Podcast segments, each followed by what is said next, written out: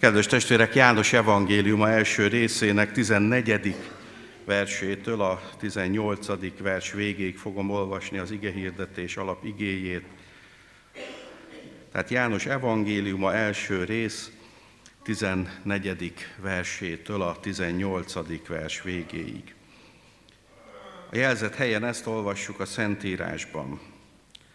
Az ige testé lett, közöttünk lakott, és láttuk az ő dicsőségét, mint az Atya egyszülöttjének dicsőségét, telve kegyelemmel és igazsággal. János bizonyságot tett róla, és azt hirdette, ő volt az, akiről megmondtam, aki utánam jön, megelőz engem, mert előbb volt, mint én. Mi pedig valamennyien az ő teljességéből kaptunk kegyelmet, kegyelemre. Mert a törvény Mózes által adatott, a kegyelem és az igazság Jézus Krisztus által jelent meg.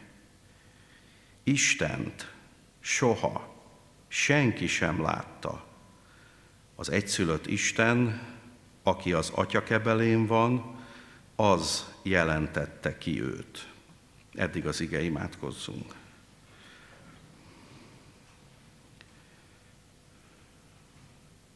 Uram, kérlek, adj bölcsességet hirdetni a Te igédet, és kérlek, hadd nyugodjon ezen a Te áldásod valamennyünk életére nézve.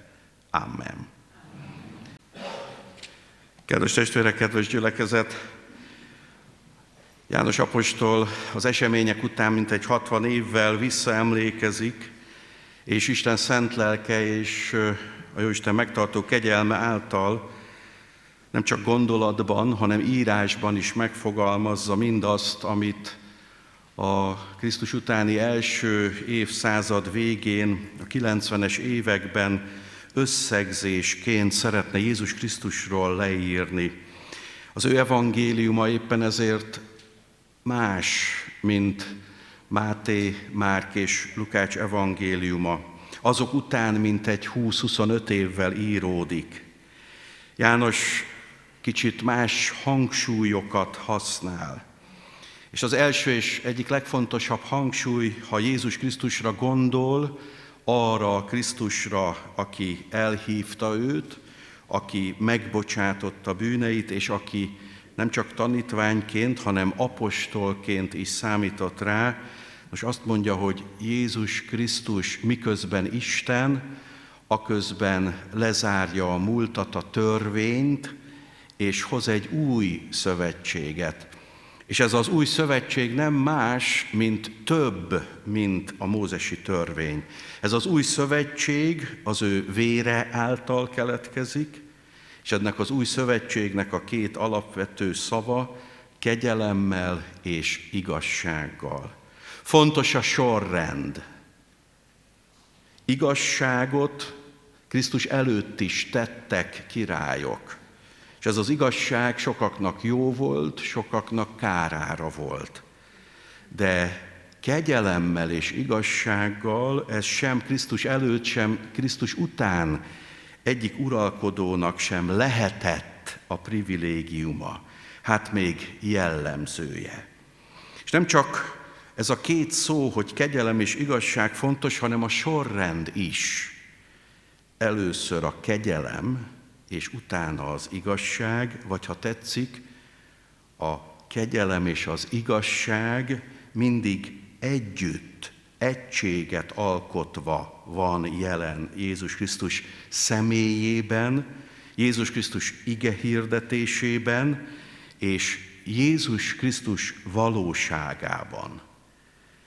És éppen ezért mivel Jézus Krisztus kegyelemmel és igazsággal teljes volt, mivel Jézus Krisztus igehirdetése kegyelem és igazság volt, éppen ezért a sátán is óriási erőkkel szeretné befolyásolni és a kegyelem és az igazság ellen hangolni a korabeli hívő embereket, meg hitetleneket, és a 21. század embereit is az, hogy mik azok a szavak, mik azok a kifejezések, amik a ma embere felé az ellenség, ha tetszik a sátán oldaláról, mint támadás történik, hogy ne a kegyelmet és ne főleg a kegyelemmel teljes igazságot fogad el, hát csak néhány dolog. Az első, hogy a sátán egyik legfontosabb célja, hogy a lehető legegyszerűbben elérje a ma embere az olcsó élvezeteket. Döbbenetes, kedves testvérek, azoknak a felméréseknek a sora, amely azt kérdezi általános iskolásoktól, középiskolásoktól, egyetemistáktól, hogy milyen mértékben élvezik az életet. És azt kell megállapítani, hogy egészen kis számban fordulnak elő ezekben az oktatási intézményekben olyan fiatalok, akiknek az életében a 6 évestől mondjuk a 26 éves korig a leginkább alkalmazott élvezeti cikkek, amely a cigaretta, a szeszes a drog és a szex nincs jelen. Ez mind összesen 3 százaléka ennek a korosztálynak. És vihetnénk magasabbra is a számot a 26 és 126 éves emberek között is, nagy valószínűséggel lehet azt kijelenteni, hogy talán ott is hasonló. A sátán egyik legfontosabb tevékenysége ma a Földön, hogy elérhetővé tegye mindazt, és ráadásul egyszerűen, amitől az emberek ma is bálvány imádókká válnak. Az élvezeti szerek, az élvezeti élet, bálvány imádó élet. Jézus pedig azért jött, hogy az ördög munkáit, ha tetszik az ördög által létrehozott, életünkben létrehozott erődítményeket lerombolja.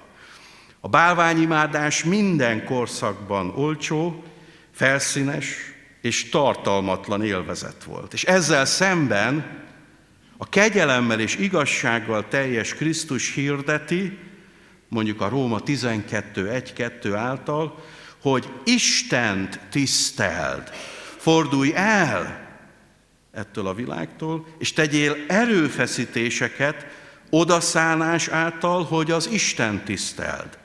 A bálványimádás tehát mindig erőfeszítés nélküli, olcsó élvezet, az Isten tisztelet pedig testvérek mindig erőfeszítést igényel, odaszánást igényel, Isten akaratának keresését igényel, és még valamit, ami a ma emberére abszolút nem jellemző, a felsőbbség tiszteletét és engedelmességet.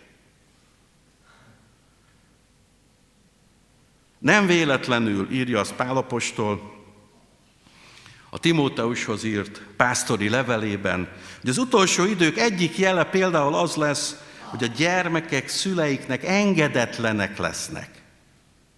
És kedves testvérek, ez nem úgy általában egy-egy családra igaz, ez úgy általában az egész világra igaz, hogy ahogy a családon belül fellazul a tisztelet, az engedelmesség, úgy a világban is.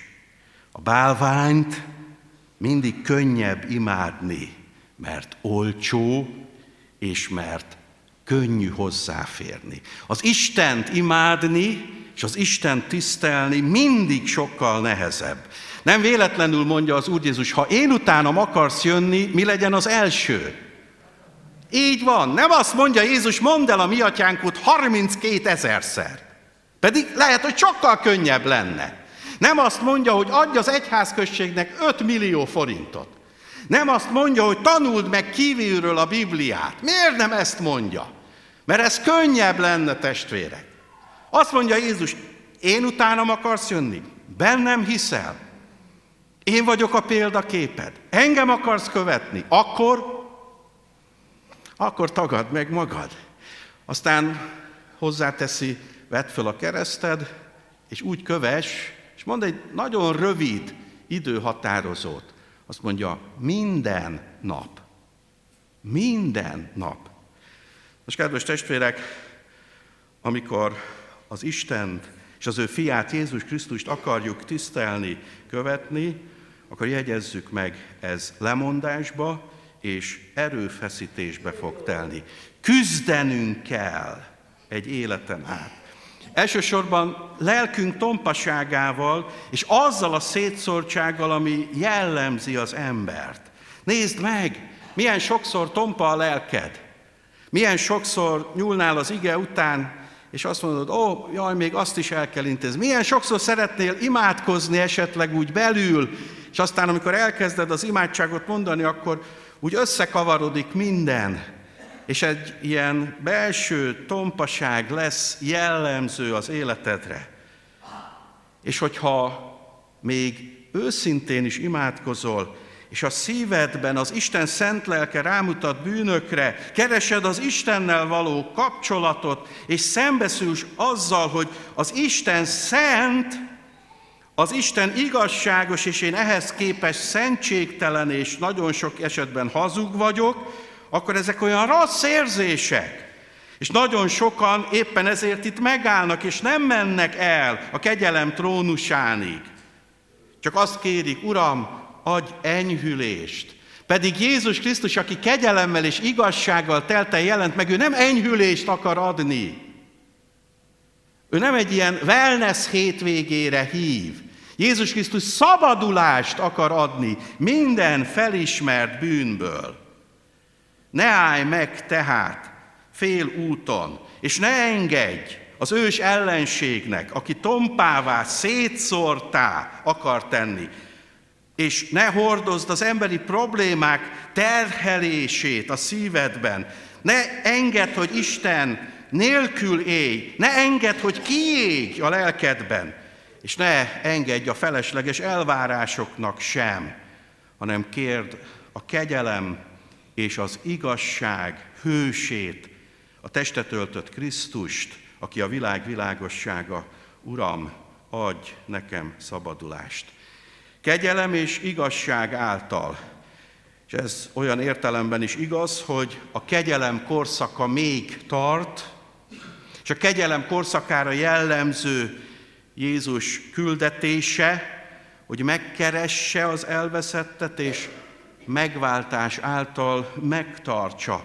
És ugyanígy az igazság is jellemző rá, mert csak úgy tudja megtartani a kegyelem által és az újjászületés által, ha rávilágít a bűnre, és ezt nem kipellengérezve teszi, hanem intim, steril körülmények között azért, hogy ne belehaj a bűneidbe, hanem megszabadulhass tőle.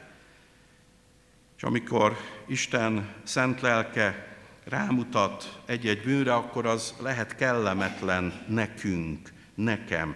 Még szégyelhetem is, még le is törhet, de nem baj, mert a bűnbánat, a valódi bűnbánat az mindig fáj, testvérek.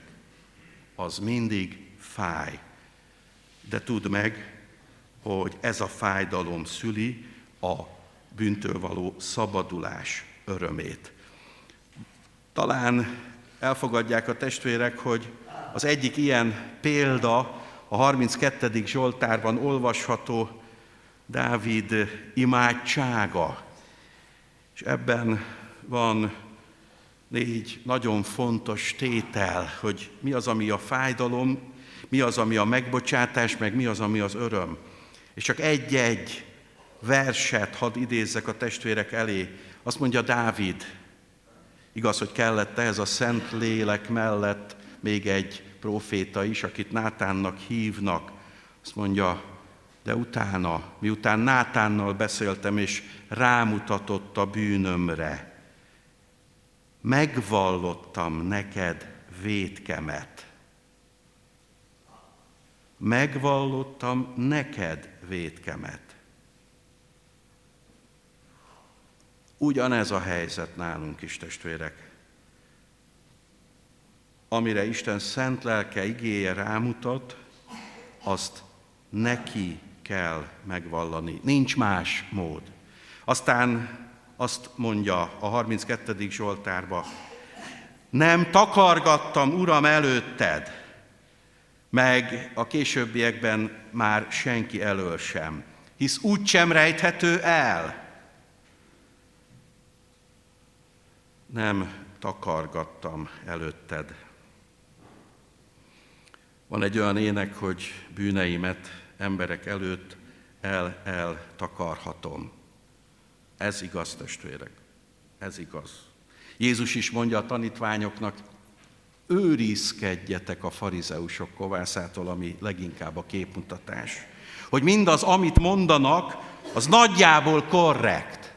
Mert idézik a Tórát, idézik az profétákat, az korrekt. De ahogy élnek, na azt ne kövessétek.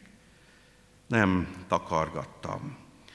És most jön a fájdalom után a megvallás és a kitárulkozás tisztasága és fájdalma után a felismerés, testvérek, hogy mi ennek a következménye. Te megbocsátottál nekem minden vétkemet. Ne félj, ne félj Isten elé menni.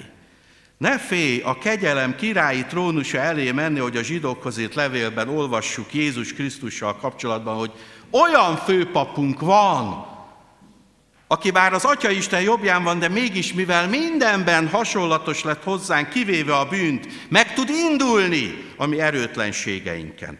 És ő ma is, és csak ő képes ma is megbocsátani, azaz tisztává tenni, vagy ahogy majd János írja első levelének első részében, ő hű és igaz, hogy megbocsásson, és még meg is tisztítson minden vétkemből.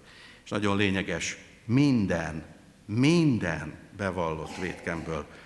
És utána felkiált Dávid, és felkiálthat a ma embere is, Uram, Te vagy oltalmam, aki megóvsz a bajtól, sőt, megtanítasz, melyik úton kell járni, és még azt is megígéred, rajtam tartod a szemed. Rajtam tartod a szemed, hogy tudjam, hogy bizalmi kapcsolat alakult ki is kedves testvérek, bármennyire is hihetetlen a szemkontaktus, azok között jöhet létre, akik között nincs fertőzés a bűn által. Nézzétek meg, ott van Káin, belemert nézni Isten szemébe, nem, hanem hogy járt, miután megölte a testvérét. A földet nézte, lesütötte a szemét. Nos, Dávid úgy látja a bűnbocsánat könnyein keresztül, Uram, köszönöm, hogy szellemi értelemben ismét a szemedbe nézhetek. Köszönöm. És aztán azt mondja, hogy ha nem is tudnánk, de mégis, meg hogy egy kicsit tudjuk magunkat is ellenőrizni, körülveszel a szabadulás örömével és bátorítja az övéit, adjon hálát mindenki, és dicsérje az Urat, aki már átélt ilyet. Kedves testvérek, Jézus, aki testé lett és megjelent telve kegyelemmel és igazsággal, hogy higgyenek benne, hogy erősen és álhatatosan higgyenek benne, egy ilyen életre hív, amely nem könnyű, amely néha fájdalmakkal együtt járó, amelyben néha a betegség úgy a barátunk, hogy akkor egy kicsit módosulnak a vágyaink és az elképzeléseink, sokkal kevesebbért vagyunk, sokkal hálásabbak, és sokkal kevesebbet kívánunk, mint úgy általában, és ő azt üzeni számunkra, ha így követsz engem, a kegyelem és igazság forrását, akkor gyümölcsöző lesz az életed. Ezt János Evangélium a 15. részében olvassuk. Én vagyok a szőlőtő, ti pedig a szőlővesszők. Kedves testvérek, ha hiszünk benne, akkor örök életünk van. Ha nem hiszünk benne, János 3.36 alapján, akkor Isten haragja marad rajtad, és nem tudsz szabadulni bűneidből. Békülj meg Istennel. Amen.